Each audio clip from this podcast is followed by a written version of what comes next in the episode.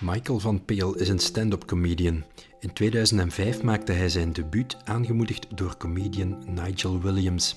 In zijn eindejaarsconferenties schiet hij met scherp, met grappen die voornamelijk gebaseerd zijn op de actualiteit van het afgelopen jaar. Wat er typisch is in, in stand-up comedy, is een rant heet dat. Dat is een comedian die gewoon ineens begint te ranten. Dat wil zeggen heel geëmotioneerd en kwaad meestal iets aan te klagen.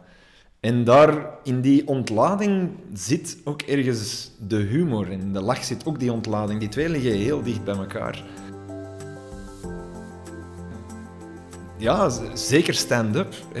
Lenny Bruce vroeger, Moord Saal, die traditie, komt vanuit die frustratie luchten.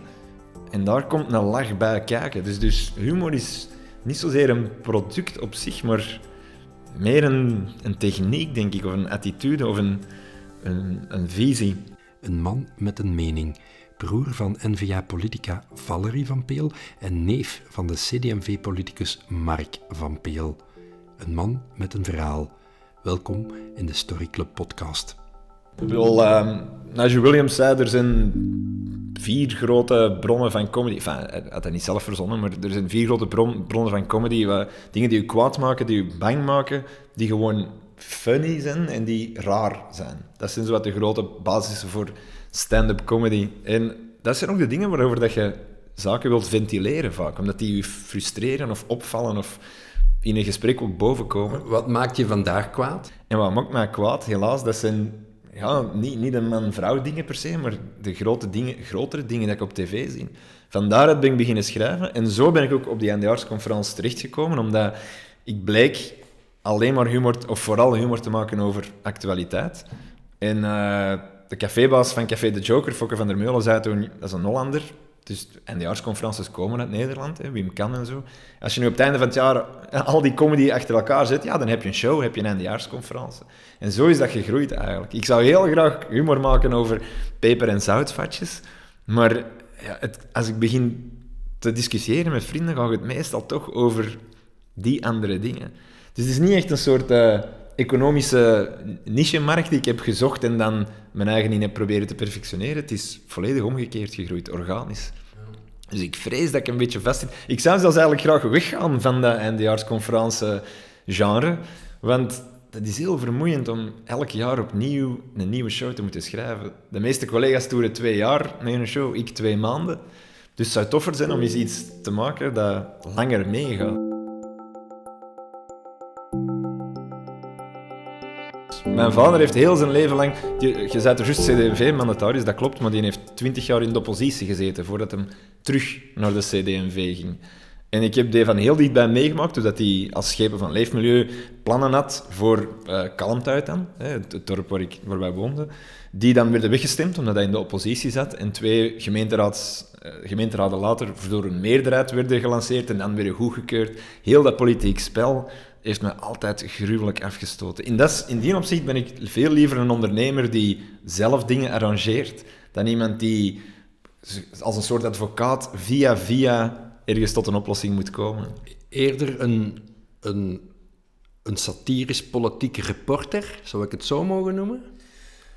Ja, reporter is een beetje de journalistieke term, maar... Ehm, ik vind dat wel interessant om dat te kijken, zeker. Gelijk, zoals uh, zaken zoals The Daily Show of John Oliver, waar dat de, uh, of Le Canard enchaîné recent, uh, waar dat de politieke satire en, journalistiek me gaan ontmoeten. Dat vind ik wel heel boeiend. Nee, ik vind dat heel gevaarlijk als satiricus, om het zo te noemen, om een richting aan te wijzen. Dat moet je niet doen, want dan zet je geen satire aan het bedrijven, dan, dan ben je het politiek aan het bedrijven. In de zin van wat een politicus doet. Ik vind het veel belangrijker om de rol van zaken in vraag te stellen, gescheiden te houden van uh, antwoorden te bieden. Antwoorden moeten vanuit de mensen komen als gemeenschap, uit, uit, dialoog, niet vanuit één persoon. Een journalist doet dat ook niet. Hè? Die stelt ook geen antwoorden, die stelt vragen. En antwoorden moeten via debat komen. Het, het, het, klinkt toch, ik wil het niet overdrijven, maar het klinkt toch een beetje als een roeping zo. Van, van iemand moet dat eens zeggen. Een klein beetje wel. Ik, ik heb met heel veel zaken die ik aanbreng, als iemand anders het zou doen, dan zou ik ook al blazen. Ik zou er heel graag naar kijken, gewoon naar iemand anders. Als niemand het doet, ja, dan soms voel ik de drang om het dan toch te moeten uiten. En dan En dan een hoop andere mensen die tegen mij komen zeggen, alle chance dat iemand dat zegt, want wij dachten dat ook. Dus iemand moet die rol op zich nemen. Maar... De, de tijd dat, dat de reporter, de klassieke reporter, journalist, dat dan op zich neemt, ligt die achter ons? Maar het gevaar daar is dat een journalist niet, in principe niet opinierend mag schrijven. Hè? We willen wel wegblijven van zo de Sun en, dat soort uh, dingen die amper nog journalistiek te noemen zijn. Het is heel belangrijk om de journalist, dat je de rol speelt van zo'n neutraal mogelijk persoon. Het is natuurlijk altijd gekleurd, maar om, om de berichtgeving neutraal te houden en de commentaar gescheiden.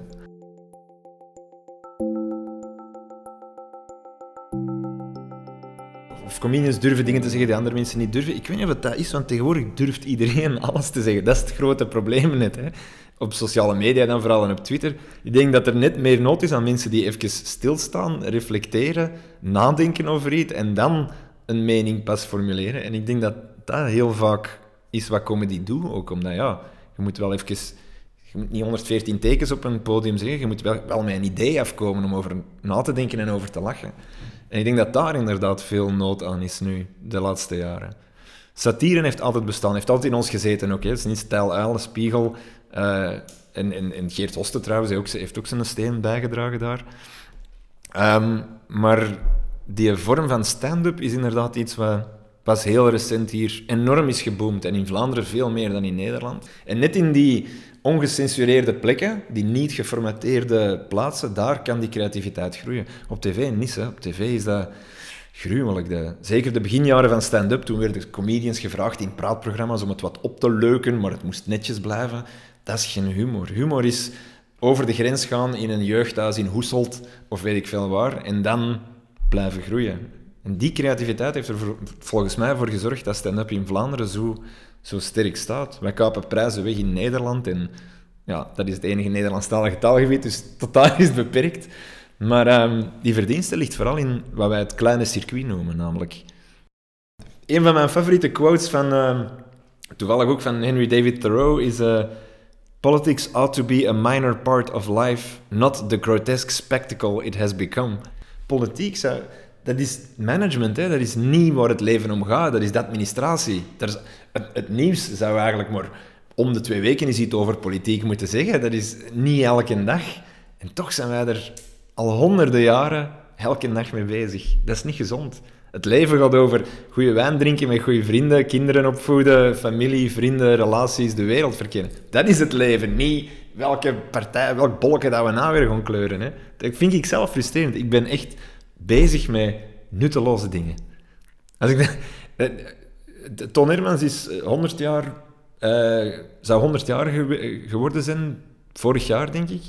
En Karel Michiels van De Standaard interviewde me toen daarover mee. Ik was vroeger een grote Ton Hermans fan. en uh, die vroeg, wat trekt u zo aan in Ton Hermans? En ik zei, ja, dat is universeel. Dat is gedateerd, maar dat gaat over de basis. Dat gaat over geboren worden, liefhebben, doodgaan. Dat is waarover zijn dingetjes gaan. En dat is even relevant vandaag als dat dat 50 jaar geleden was. En toen zei hij, ja, dat is niet zo met wat jij doet. En ik realiseerde me daarvan, godverdomme, nee Niemand gaat zich over 50 jaar een, een fuck interesseren over wat de CD&V en de NVA nu weer bekokstoft hebben. Dat vind ik jammer. Dat is heel vergankelijk en irrelevant.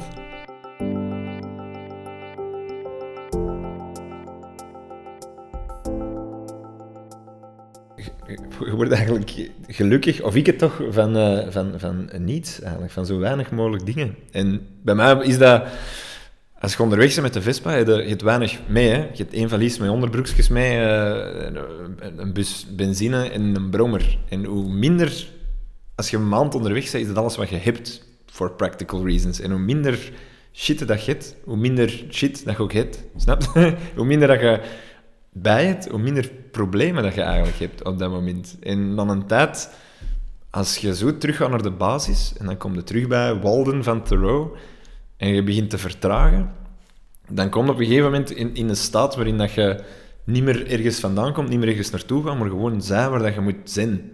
En dat is heel zin. Dat, daar komt zin vandaan, hè, van het Antwerps eerste persoon. ik zin hier en nu. Die status, die staat liever van zijn, dat is eigenlijk het ultieme geluk.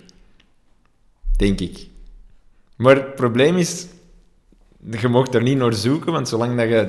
Dat is gelijk de liefde, dat je blijft zoeken, vind het niet. Je, vindt het pas dat je stopt met zoeken. Dus dat is een beetje een, een conundrum, een beetje een, eh, een moeilijkheid. Maar ik ben al blij als de zon schijnt en een fris pintje en een maat en, en een terras. Merci voor het gesprek. Heel graag gedaan. Als je genoten hebt van dit interview met Michael van Peel, laat dan zeker je waardering weten op iTunes. Zo komen we hoger in de ranking en vinden meer mensen de weg naar deze podcast. Erg geapprecieerd.